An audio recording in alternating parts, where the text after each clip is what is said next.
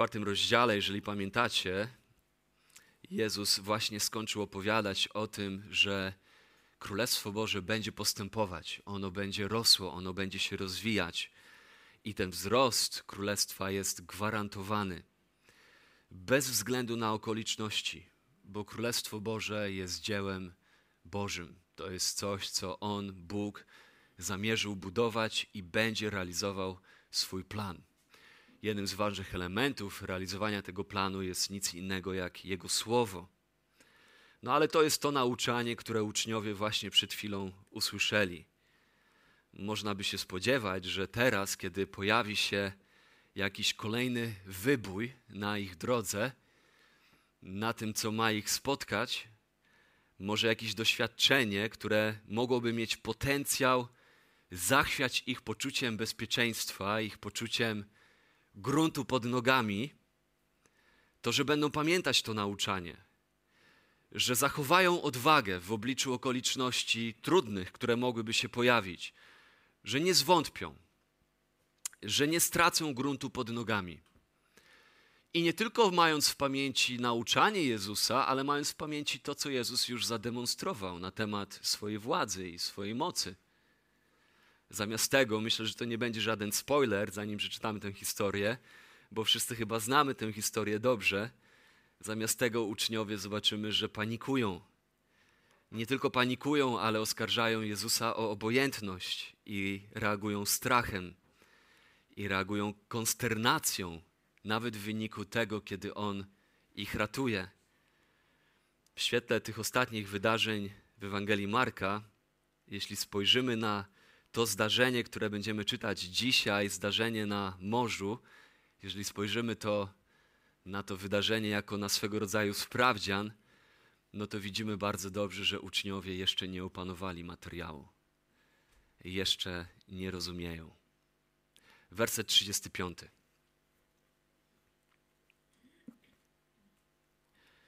I rzekł do nich owego dnia, gdy nastał wieczór, przeprawmy się na drugą stronę. No to jest ten dzień, kiedy Jezus nauczał tłumy. To jest ten moment, do którego możemy się cofnąć w pierwszym wersecie czwartego rozdziału, kiedy to znowu począł nauczać nad morzem. I zeszło się do niego mnóstwo ludu, tak iż musiał wstąpić do łodzi. I od razu tutaj mamy wyjaśnienie, dlaczego Jezus znajduje się w łodzi. Ponieważ tłum jest tak ogromny, że napiera na niego, że on w końcu musi usunąć się na wodę, wejść do łodzi i głosić z łodzi, głosić z wody. I to jest kontekst tego, to jest, to jest ten dzień, kiedy Jezus znowu naucza tłumy. Jest to kontynuacja tej narracji rozpoczętej na początku czwartego rozdziału. Wiemy ogólnie z relacji, które opisują dla nas ewangeliści, że Jezus nie obijał się. Był bardzo zapracowany cały czas coś się działo i cały czas były palące potrzeby, które przynoszono do niego. Zresztą on sam cały czas, jak powiedział wcześniej w pierwszym rozdziale, do swoich uczniów, on musi obchodzić okoliczne wioski, bo on musi nauczać, bo po to został posłany. Jak to e, ktoś powiedział, Jezu, e, Bóg, Bóg Ojciec ma jednego syna i uczynił go kaznodzieją. Jezus to robi cały czas. On nie obija się jest pracowity. I każdy, kto cały dzień kiedykolwiek głosił słowo, to albo nauczał, nie wiem, może wykładał na uniwersytecie, nauczał tłumy, to wie, co to znaczy zmęczenie. Wie, co to znaczy zmęczenie. I w wersecie 36 widzimy.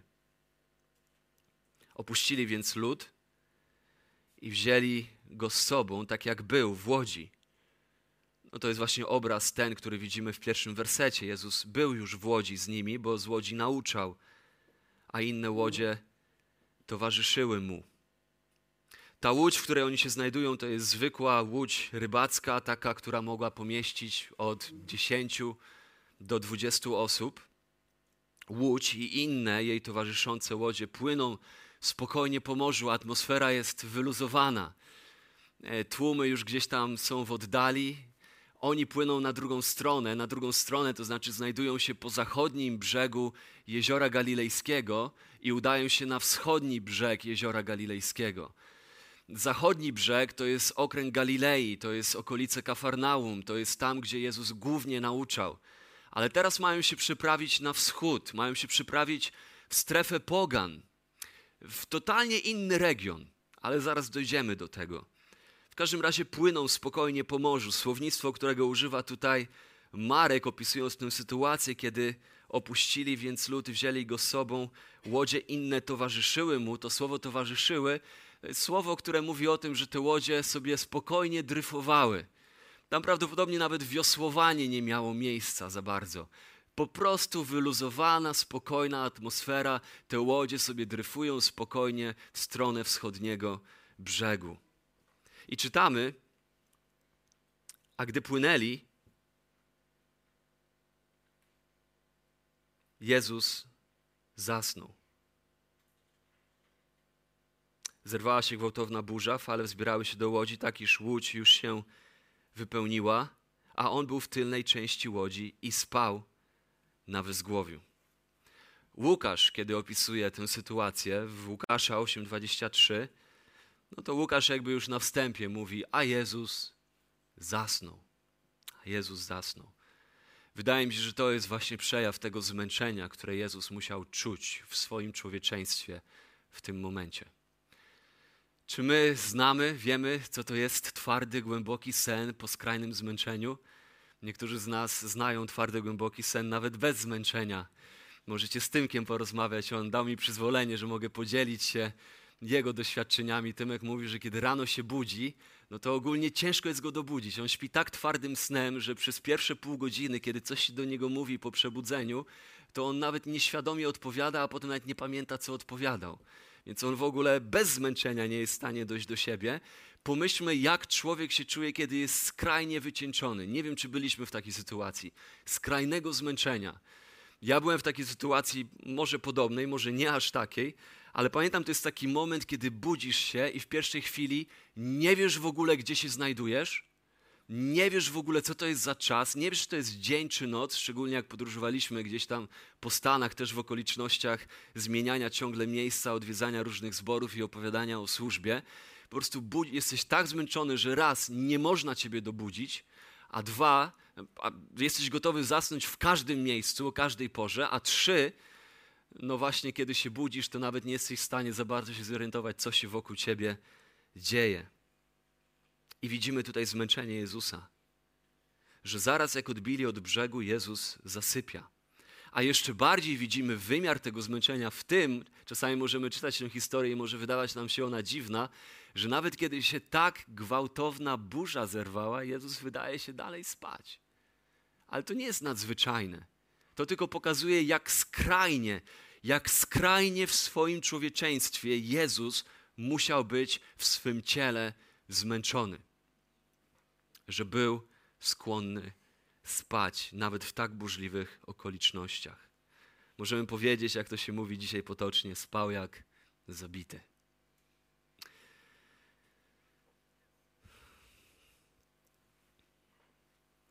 Wydaje mi się, że poza tym wszystkim, co jeszcze w tej historii zobaczymy, szczególnie co nam się wyłoni na koniec tej historii na temat tożsamości Chrystusa, to właśnie widzimy tutaj też aspekt Jego człowieczeństwa. Ta niezwykła prawda o tym, że Jezus jest prawdziwie Bogiem i jest prawdziwie człowiekiem. To nie było oszukiwane człowieczeństwo.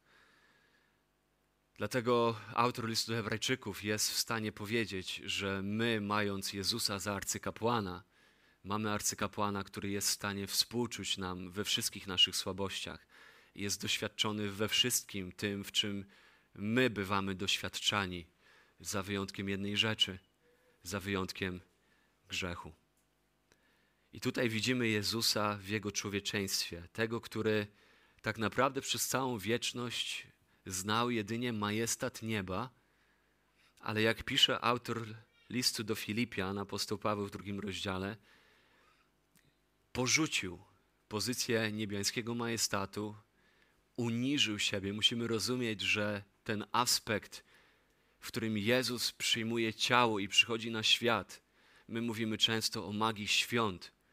Dla Jezusa to nie była żadna magia. To było skrajne uniżenie, jakiego żaden człowiek nigdy nie pozna. Bo my musimy zawsze rozumieć, że poziom uniżenia jest adekwatny do poziomu wyniesienia. Że uniżenie jest na tyle uniżeniem, na ile ono jest wprost proporcjonalne do wyniesienia, w którym ktoś się znajduje. Znaczy, jeżeli ktoś jest nisko i upada niżej, no to okej, okay, jest to jakieś uniżenie. A jeżeli ktoś jest wysoko i upada nisko, to uniżenie jest jeszcze większe. A jeżeli ktoś jest najwyżej, jak to jest możliwe, mając najwyższą pozycję we wszechświecie, największego splendoru i majestatu, i uniża się najniżej, jak to jest możliwe, do postaci sługi, będąc posłusznym aż do śmierci i to do śmierci krzyżowej na krzyżu, to to jest uniżenie, jakiego nigdzie indziej nie znajdziemy. Więc Jezus uniża siebie, przyjmując postać człowieka. I tutaj ten, który jest stwórcą wszechświata, śpi, jest zmęczony. Ten, który wszystko stworzył, ten, który stworzył tę wodę, na której się znajdował, ten, który stworzył drewno, z którego zbudowana była ta łódź, ten, który stworzył te góry, które były na zboczach tego jeziora, ten, który stworzył sen dla człowieka, by był dla niego środkiem odpocznienia, regeneracji i też taką lekcją ufności, że ja śpię, a Bóg działa i podtrzymuje świat beze mnie. Tego też uczy nas słowo. Nagle jest tym, który sam z tych rzeczy musi korzystać. Sam w swoim człowieczeństwie potrzebuje tych rzeczy. Znający zmęczenie, podobny do nas we wszystkim. A jednak za wyjątkiem grzechu. Za wyjątkiem grzechu. Także kiedy On, będąc naszym arcykapłanem, kiedy On wszedł do świątyni złożyć ofiarę, to sam mógł stać się ofiarą. On nie musiał być arcykapłanem, który szuka innej ofiary, ponieważ sam jest splamiony grzechem. Ale kiedy on wszedł do świątyni, tej niebiańskiej, przed obliczem samego Boga Ojca, żeby złożyć ofiarę, mógł sprawić, że jego życie stało się ofiarą, bo on był barankiem, który gładzi grzechy świata, tych, którzy w niego wierzą i w nim pokładają ufność. I wracając tutaj do Jezusa, możemy być kuszeni pomyśleć, że on może chciał się wybrać na drugą stronę, właśnie po to, żeby odsapnąć od tych tłumów, które znajdowały się w Galilei, od tej intensywnej służby, jaka miała miejsce w okolicach Kafarnaum. Ale nic bardziej mylnego, bo wystarczy, że będziemy czytać dalej od piątego rozdziału, żeby zobaczyć, co go czekało po drugiej stronie. Pierwsze co, kiedy dopływają na drugą stronę, czeka ich opętany legionem demonów człowiek. Potem widzimy następnie napierające na Jezusa ogromne tłumy. Widzimy wezwanie do podróży do umierającej córki nie córki Jezusa, Jaira. Uzdrowienie chorej kobiety. I wszystkie te wydarzenia, miejmy na uwadze, że one są zaplanowane dla Jezusa przez Jego Ojca. Jezus wie. Zauważcie, że On nigdy nie jest sfrustrowany okolicznościami, które się zadziewają w Jego życiu. Jezus doskonale wie, że jedyny kalendarz, jedyny kalendarz, jaki ostatecznie ma znaczenie – to nie jest jego osobisty kalendarz, ale kalendarz Ojca. Jakaż to jest lekcja dla nas, jakaż to jest lekcja dla mnie, kiedy my potrafimy być tak zaabsorbowani kontrolą nad swoim życiem, nad swoim harmonogramem, nad porządkiem swojego życia, trochę czyniąc bożka z tego porządku, który, który daje nam jakieś poczucie kontroli i panowania nad swoim własnym życiem, kiedy pojawia się coś, co zaburza nam ten porządek. Kiedy czytamy relacje ewangelistów z życia Jezusa, widzimy, że jego porządek dnia jest ciągle zaburzany przez różne okoliczności, ale porządek jego serca nigdy nie jest zaburzony, ponieważ on wie, że ostatecznie jego kalendarz należy do kalendarza Ojca. Jego harmonogram jest harmonogramem Ojca. On wie ostatecznie, że nie ma nic w życiu, co by się wydarzyło, co nie pochodzi z suwerennego planu jego Ojca. Więc Jezus nie płynie na drugą stronę, żeby odsapnąć, żeby odpocząć. On płynie, ponieważ tam czeka na niego kolejna praca, ale na to spojrzymy następnym razem. W wersecie 37 czytamy: Więc byli na jeziorze i nagle sytuacja się drastycznie zmienia. Zerwała się gwałtowna burza. Fale wdzierały się do łodzi, tak iż łódź już się wypełniała. To nie była gwałtowna burza, to był huragan. Musimy zrozumieć ten aspekt meteorologiczny, który był naturalny, który jest naturalny nawet dzisiaj dla tego zbiornika wodnego, jeziora galilejskiego, jeziora tyberiackiego inaczej. Bo miejsce, w jakim się znajdujemy w tej opowieści, to jest właśnie jezioro galilejskie. Nazywane czasami Morzem Galilejskim, ale w rzeczywistości jest to jezioro, bo jest to zbiornik słodkowodny. Jest to zbiornik słodkowodny, który jest najniżej położonym zbiornikiem słodkowodnym na Ziemi. Oczywiście są inne zbiorniki wodne położone niżej, jak chociażby na południe od Morza Galilejskiego leży Morze Martwe, ale Morze Martwe jest zbiornikiem słonej wody.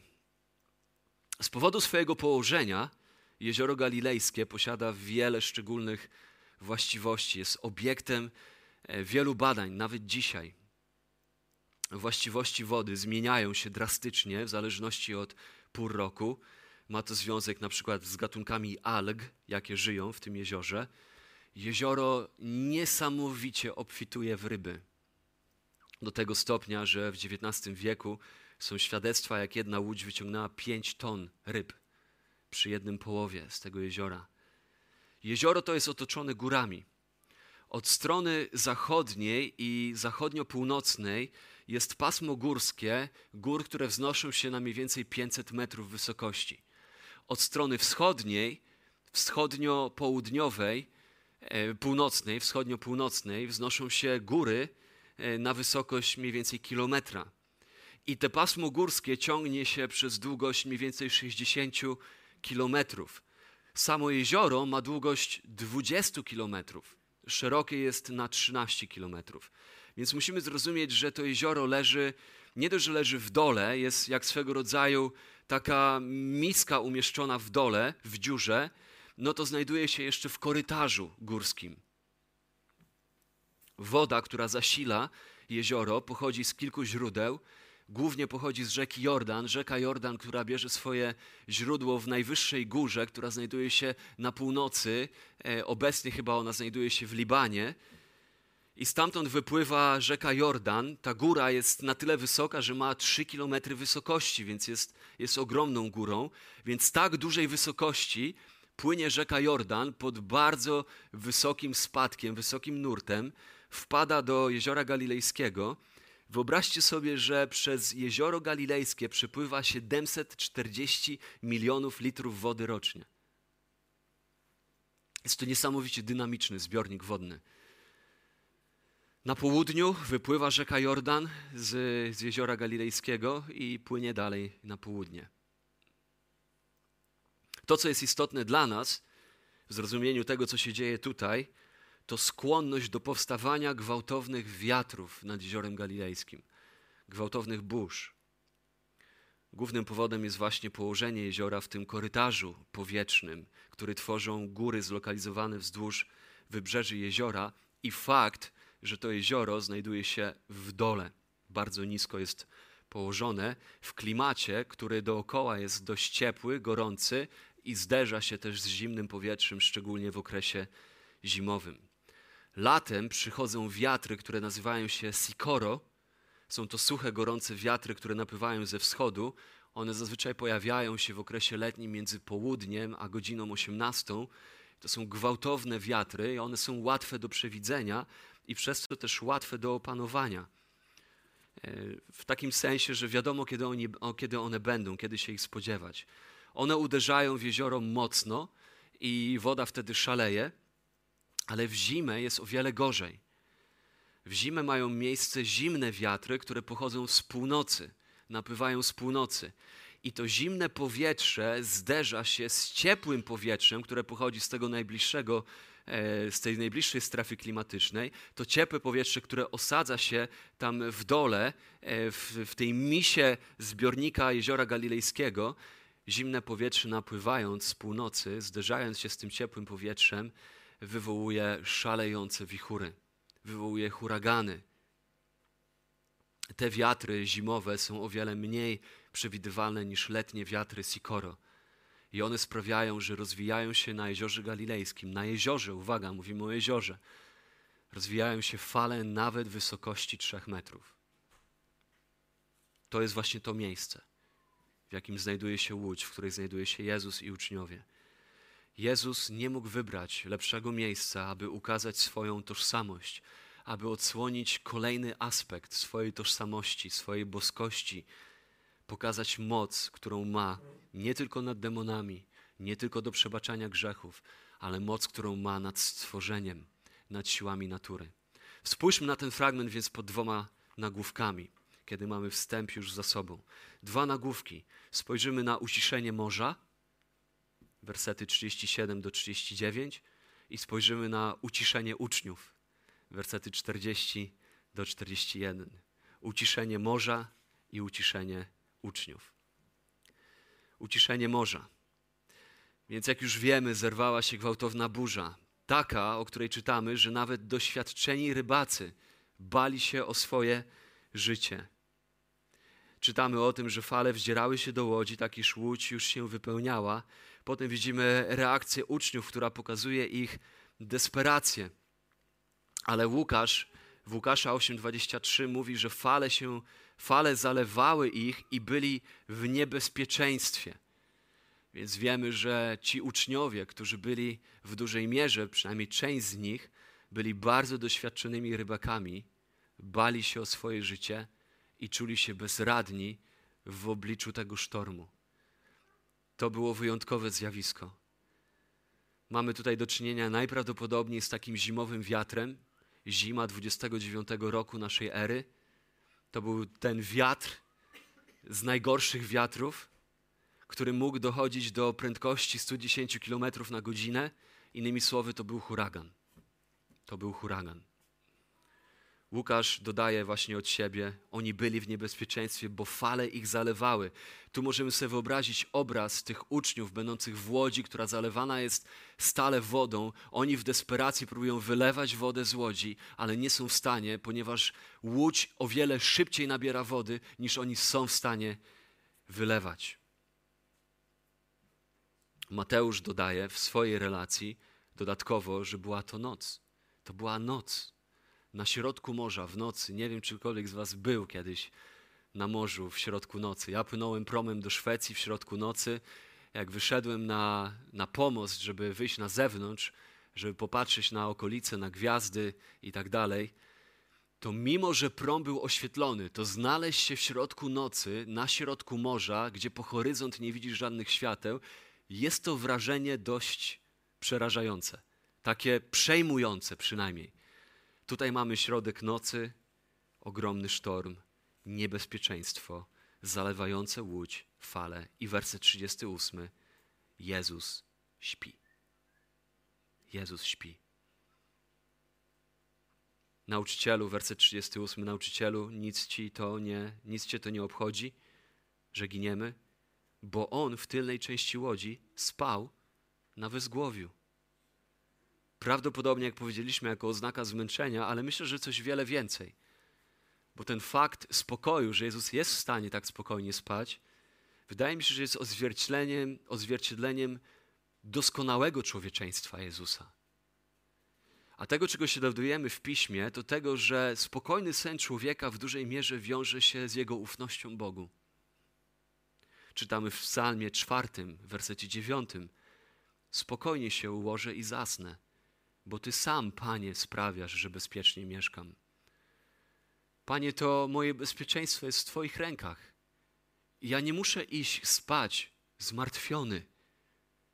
Ja nie muszę przed snem przebiegać przez ten maraton burzliwych myśli i, i zadręczać się tym, jak ja to wszystko opanuję, jak ja to wszystko ogarnę. Panie, to Ty sprawiasz, że ja bezpiecznie mieszkam. To Ty sprawiasz, że ja bezpiecznie bytuję, że ja bezpiecznie żyję. Moje życie jest w Twoich rękach. Więc, Panie, ja jako ten, który ufa Tobie, rozpoznając to, kim Ty jesteś, mogę położyć się spać spokojnie, bo moje serce ufa Tobie. Możemy się więc spodziewać, że dla Jezusa sen był oznaką zaufania. Przypowieści, trzeci rozdział, 24 werset. Przypowieści 3,24. Gdy się położysz do snu, nie będziesz się bał. a gdy zaśniesz, będziesz miał miły sen. Jezus ma tutaj miły sen, nawet w obliczu tej burzy. Salomon pisze o tym w kontekście przypowieści trzeciego rozdziału. Mowa jest o tym człowieku, który zachowuje mądrość i który nie spuszcza mądrości ze swoich oczu. My musimy pamiętać, że Jezus w swoim człowieczeństwie jest ucieleśnieniem mądrości Bożej. W Jezusie nie ma ani jednej miary głupoty. To jest ten, który był doskonale mądry. To jest ten, który jest ucieleśnieniem mądrości Salomonowej opisanej w księgach przypowieści. I jako ten, który jest ucieleśnieniem tej mądrości, on tutaj śpi i ma miły sen, bo jego serce ufa Panu. I dowiadujemy się w tej historii, że gorsze niż burza w tym przypadku dla Jezusa są jego uczniowie. Są jego uczniowie. Dla uczniów jednak sen Chrystusa nie był oznaką ufności, nie był oznaką mądrości, ale był oznaką obojętności. I krzyczy, widzimy to wołanie: Nauczycielu! Nic cię to nie obchodzi, że giniemy?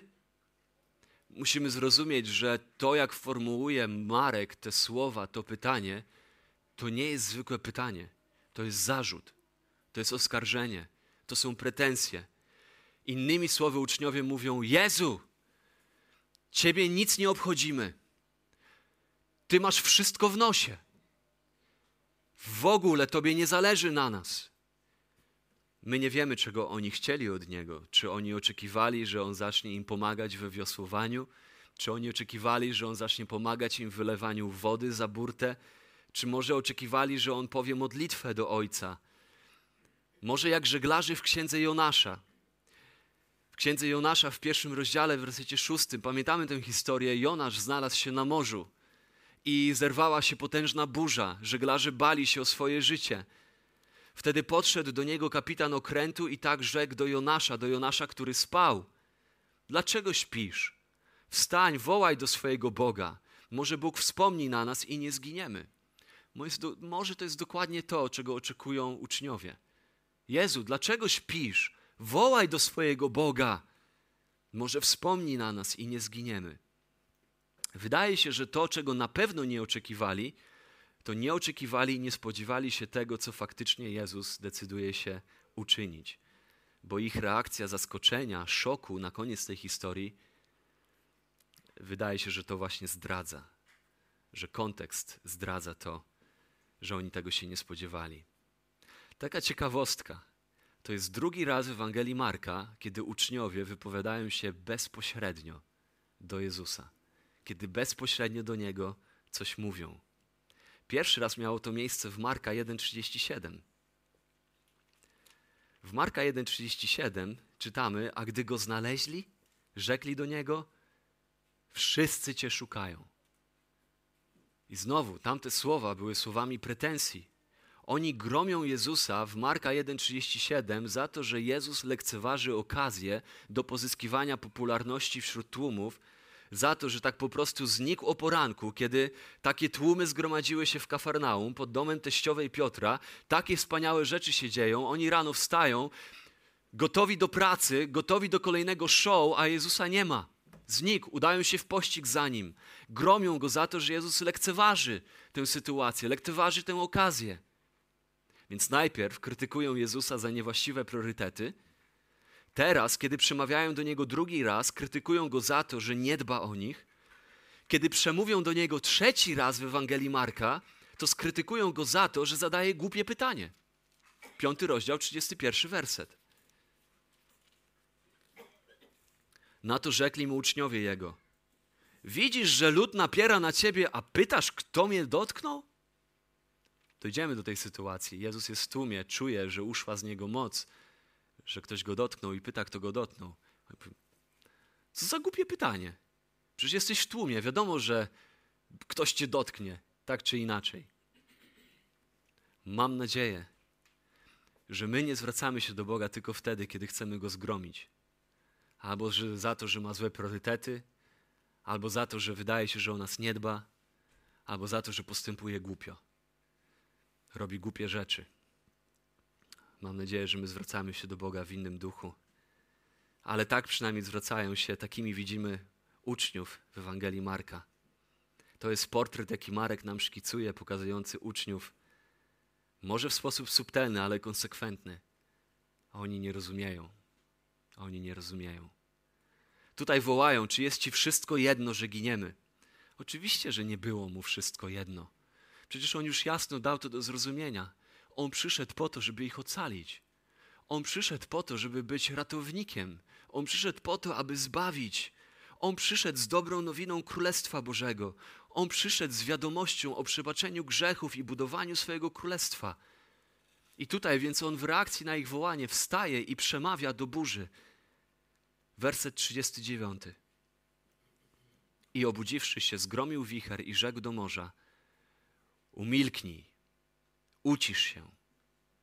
I ustał wicher, i nastała wielka cisza. Jezus po prostu przemawia do sztormu. Gromi sztorm, a morze się ucisza.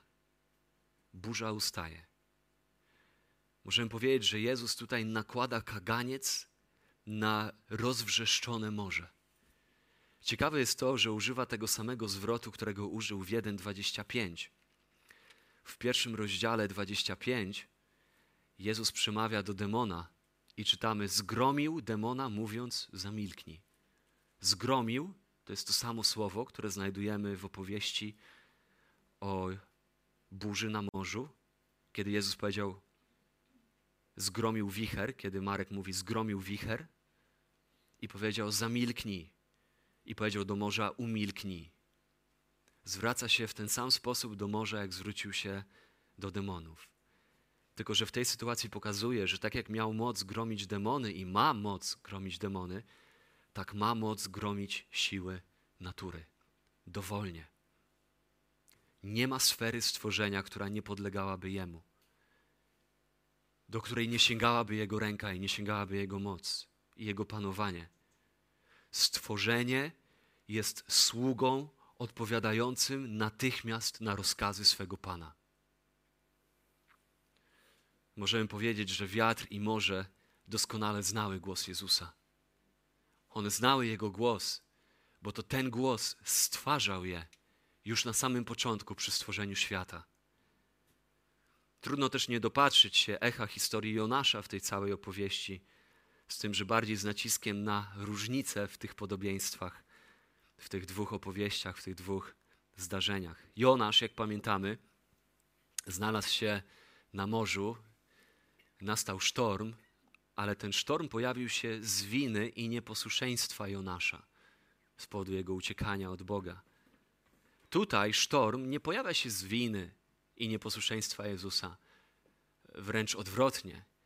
Pojawia się, żeby doskonałość Chrystusa się zamanifestowała w tej sytuacji. W historii Jonasza sztorm pojawia się podczas ucieczki Jonasza. Jonasz ucieka. Ucieka, bo nie chce pójść do pogan, żeby głosić im dobrą nowinę bo może jeszcze by się nawrócili. A on pała złością, on pała nienawiścią do Asyryjczyków. On wie, że to jest okrutny lud.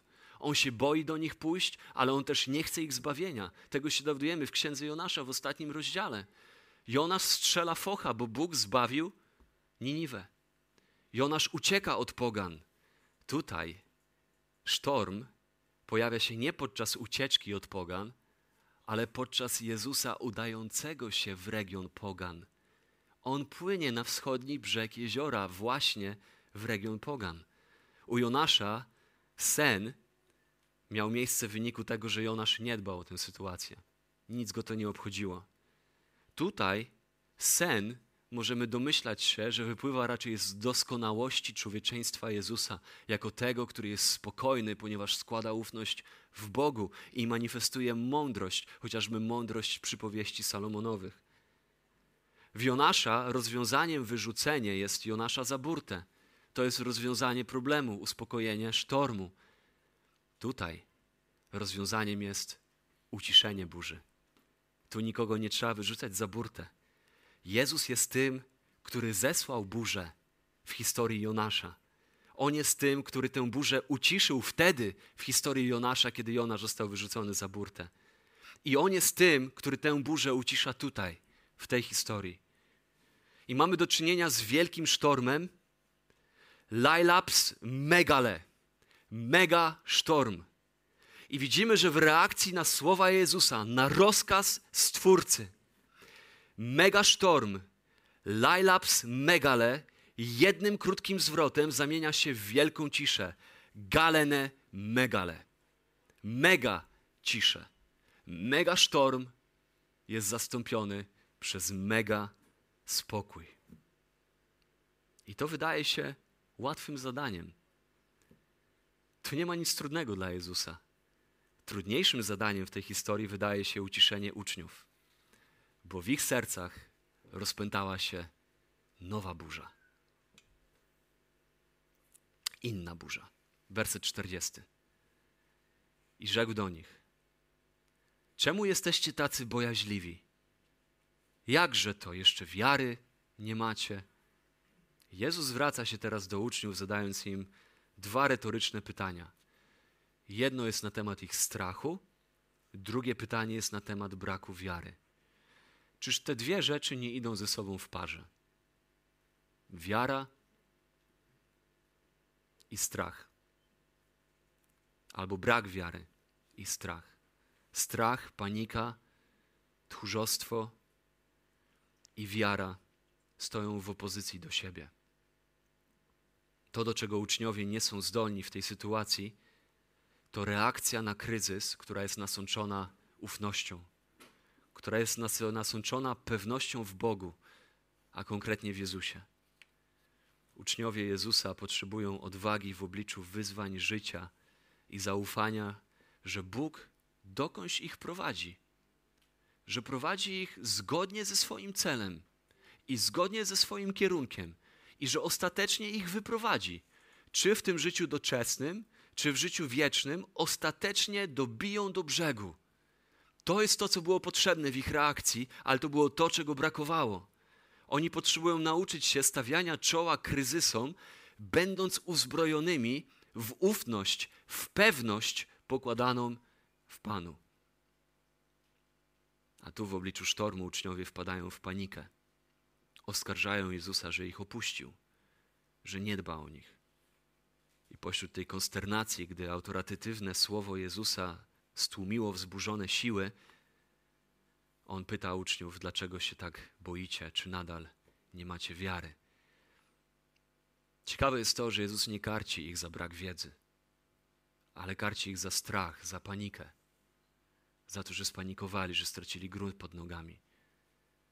Prawdziwe zagrożenie dla wiary wynika z braku wiedzy, jak najbardziej, i Jezus będzie karcił uczniów za brak wiedzy i brak poznania, też w Ewangelii Marka, ale prawdziwe zagrożenie dla wiary wynika też z wątpliwości i strachu.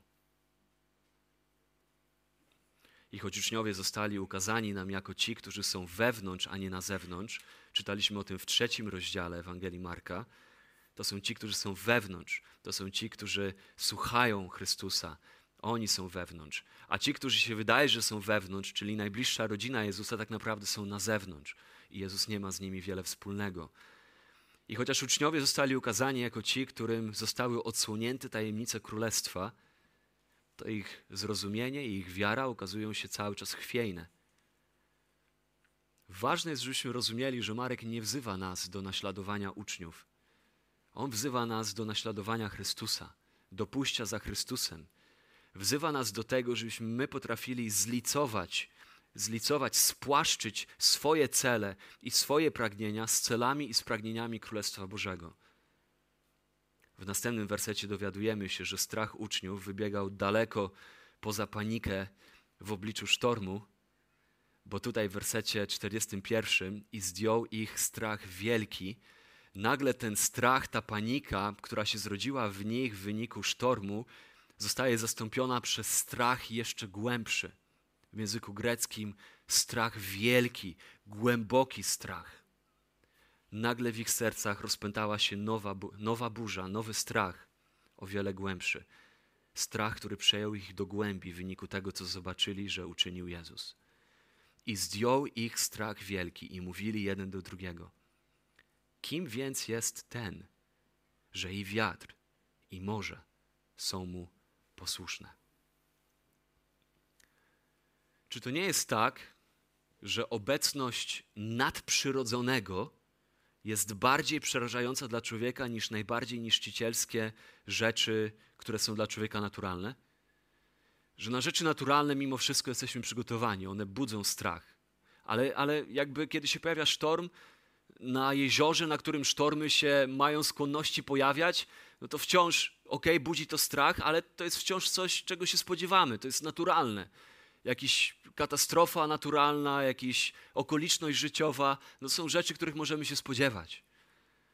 Ale kiedy nagle w Twojej obecności, w obliczu sztormu, pojawia się coś o wiele potężniejszego niż ten sztorm, coś nadprzyrodzonego, i Ty znajdujesz się na łodzi w środku ciemnego, ciemnej nocy, na ciemnym morzu, to to ma skłonność budzić wzburzenie. Tutaj niektórzy przypuszczają, że zamiast wypełnienia strachem, autor miał na myśli wypełnienie podziwem, bo to słowo, którego używa Marek, może to oznaczać głęboki podziw, że oni do głębi byli poruszeni podziwem nad dziełami Jezusa. Kontekst wskazuje na coś innego. Jezus jest wciąż obcy w rozumieniu swoich uczniów, bo pada pytanie, kim więc jest ten? Kim on jest? Z czym my tu mamy do czynienia? W obliczu zetknięcia z czymś nadprzyrodzonym, w ich sercu pojawia się głęboki strach. Odpowiedź jest jedna na to pytanie. Kim więc jest ten? Odpowiedź jest jedna: to jest Bóg, to jest Jahwe, to jest Stwórca nieba i ziemi. To jest ten, o którym pisze Paweł w Kolosan 1, 16 do 18. Kolosan 1, 16 do 18. On, Chrystus, jest obrazem Boga niewidzialnego pierworodnym wszelkiego stworzenia, ponieważ w nim zostało stworzone wszystko, co jest na niebie i na ziemi, rzeczy widzialne i niewidzialne. Czy to trony, czy panowania, czy nadziemskie władze, czy zwierzchności. Wszystko przez Niego i dla Niego zostało stworzone. On też jest przed wszystkimi rzeczami i wszystko na Nim jest ugruntowane. To jest ten. To jest ten. Jezus z Nazaretu. Hebrajczyków, pierwszy rozdział, drugi werset i trzeci werset. Mowa jest o synu. Synu, którego ustanowił dziedzicem wszech rzeczy, przez którego także wszechświat stworzył. On, ten syn, jest oblaskiem, odblaskiem chwały i odbiciem Jego, Boga istoty i podtrzymuje wszystko słowem swojej mocy. Dodatkowo dokonawszy oczyszczenia z grzechów, zasiadł po prawicy majestatu na wysokościach. Kim więc jest ten? Kim więc jest ten Jezus, w którego Ty uwierzyłeś dzisiaj? Który wzywa Ciebie do tego, żebyś Ty Jemu ufał dzisiaj. Żeby w obliczu kryzysu w Twoim życiu nie miał reakcji strachu, paniki, ale reakcję ufności i pewności w tym, że ten, któremu zawierzyłeś, prowadzi Cię do celu. Oczywiście my nie rozumiemy do końca, czym ten cel jest, gdzie ten brzeg jest, do którego my dobijemy ale tego nie musimy wiedzieć. My wystarczy, że wiemy, kim jest więc ten, który jest z nami. To jest Jahwe. Pośród nich stoi sam Bóg we własnej osobie. To ma skłonność przerażać. To jest historia o tożsamości Chrystusa. On jest Chrystusem, Synem Bożym. On jest tym, o którym setki lat wcześniej była mowa o którym setki lat wcześniej wydaje się, że chce powiedzieć w proroczy sposób Psalm 107. Psalm 107. Jeżeli byśmy otworzyli Psalm 107, warto sobie zaznaczyć, nawet w Ewangelii Marka w czwartym rozdziale, jeżeli robicie notatki w swoich Bibliach, to przy tej opowieści o burzy na morzu zrobić sobie przypis. Psalm 107, wersety 23 do 30. Psalm 107 jest o wysławianiu Pana. Wysławiajcie Pana, mówi pierwszy werset. Werset 21. Niech wysławiają Pana za łaskę Jego i za cuda Jego dla synów ludzkich. I werset 22. Niech składają Jemu ofiary dziękczynne. Niech z radością opowiadają o Jego czynach. To jest wezwanie do tego, że lud który poznaje Boga jako Boga, że jest ludem, który chce mu składać dziękczynienie i wysławiać Jego imię. I teraz zobaczcie, jest przykład pewnej historii. Jest pewna ilustracja od wersetu 23. I zastanówcie się, czy ona nie brzmi znajomo. Ci, którzy na statkach płynęli po morzu, uprawiając handel na wielkich wodach. Jest mowa o żeglarzach, jest mowa prawdopodobnie o rybakach, którzy handlują tym, co złowią. I ci, którzy stanęli na morzu, którzy płynęli w tych statkach, ci, którzy byli rybakami, werset 24, widzieli dzieła Pana i cuda Jego na głębinach. Rzekł i zerwała się burza, która spiętrzyła fale. Wznosili się aż do nieba, tak wielkie były te fale, tak bardzo wzburzone było to morze. Zapadali się w głębiny, zalewała ich woda. Dusza ich truchlała w niebezpieczeństwie. Byli doświadczonymi ludźmi, ale dusza ich truchlała, czuli się niebezpiecznie. Zataczali się i chwiali jak pijani. Uwaga, a cała ich mądrość obróciła się w niwecz. Całe ich doświadczenie, jak być na morzu i jak ratować siebie z takich sytuacji, obróciło się w niwecz. I werset 28. Wołali do Pana w swej niedoli, a on ich wybawił z utrapienia, uciszył burzę i uspokoiły się fale morskie. Brzmi znajomo? Kilkaset lat wcześniej, w proroczy sposób, zapisana historia, którą spotykamy w Marka w czwartym rozdziale. Tylko, że jest pewna różnica w tym, o czym prorokuje psalmista. Werset 30. I wtedy radowali się, że się uspokoiły, i zawiódł ich do upragnionej przystani. Radowali się. I dalej psalm kontynuuje się tym, jak lud wysławia Pana i chwali Go. Werset 30 jest jedyną różnicą pomiędzy tym, o czym pisze psalm, a co widzimy w Marka 4. W psalmie nastąpiła radość. Lud wysławia Pana. W Marka, w tym przypadku uczniów, bliskość Jezusa jako Boga w ciele, z odsłoniętą Jego chwałą, budzi strach. Budzi głęboki strach. Jest wstrząsająca, przerażająca dla uczniów, nie zapewniająca dla nich, nie wzbudzająca ufność, ale strach. I do pewnego stopnia to jest ok. Też miejmy na uwadze, że to nie jest do końca negatywne. Ponieważ nieraz widzimy w piśmie, że tego rodzaju konsternacja, która budzi się w nas na skutek zderzenia z chwałą Bożą, jest rzeczą, która z kolei czyni wiarę możliwą. Ten pierwotny strach, który pojawia się w nas w wyniku zderzenia się z jakąś prawdą Bożą, strach w obliczu tego, że ja jestem grzeszny, Bóg jest święty, mam problem, piekło istnieje, Bóg jest sędzią sprawiedliwym, będzie musiał mnie osądzić. Że strach wynikający ze zderzenia z Bożą chwałą, jakkolwiek ona by się nie przejawiała, jest tym, co jest w stanie czynić wiarę możliwą o wyprowadzeniu z niewoli egipskiej, kiedy lud zobaczył moc Bożą zamanifestowaną przeciwko Egipcjanom, czytamy 2 Mojżeszowa 14:31. Izrael ujrzał wielką moc, jaką okazał Pan na Egipcjanach, a lud bał się Pana i uwierzyli w Pana. Pytanie, które wyłania się dla uczniów i dla czytelników Ewangelii Marka brzmi: czy ten strach zaprowadzi ich do uwierzenia Panu, do uwierzenia w Pana. Czy ten strach zaprowadzi ich do złożenia ufności i pewności w Panu?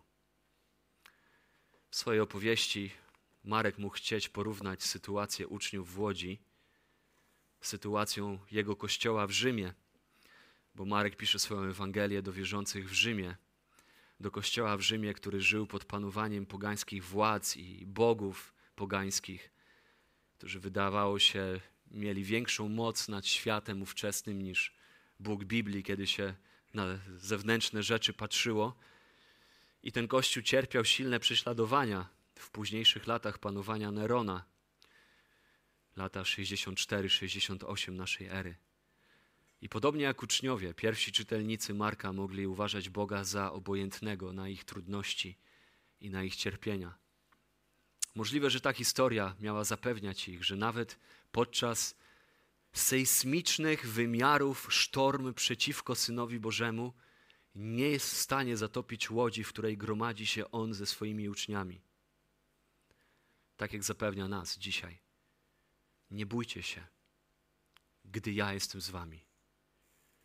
Bo ten, który jest z wami, to ten, któremu została dana wszelka władza na niebie i na ziemi. Pamiętacie? Została mi dana wszelka władza na niebie i na ziemi. Dlatego idźcie na świat. Bądźcie wierni mi. Bądźcie wierni Ewangelii i czyńcie uczniami wszystkie narody. A ja, ja, ten, któremu została dana wszelka władza na niebie i na ziemi, jestem z wami aż do skończenia świata. Bądź mocny i mężny. Nie bój się, nie lękaj się, bo Pan Bóg Twój będzie z Tobą wszędzie, gdziekolwiek pójdziesz.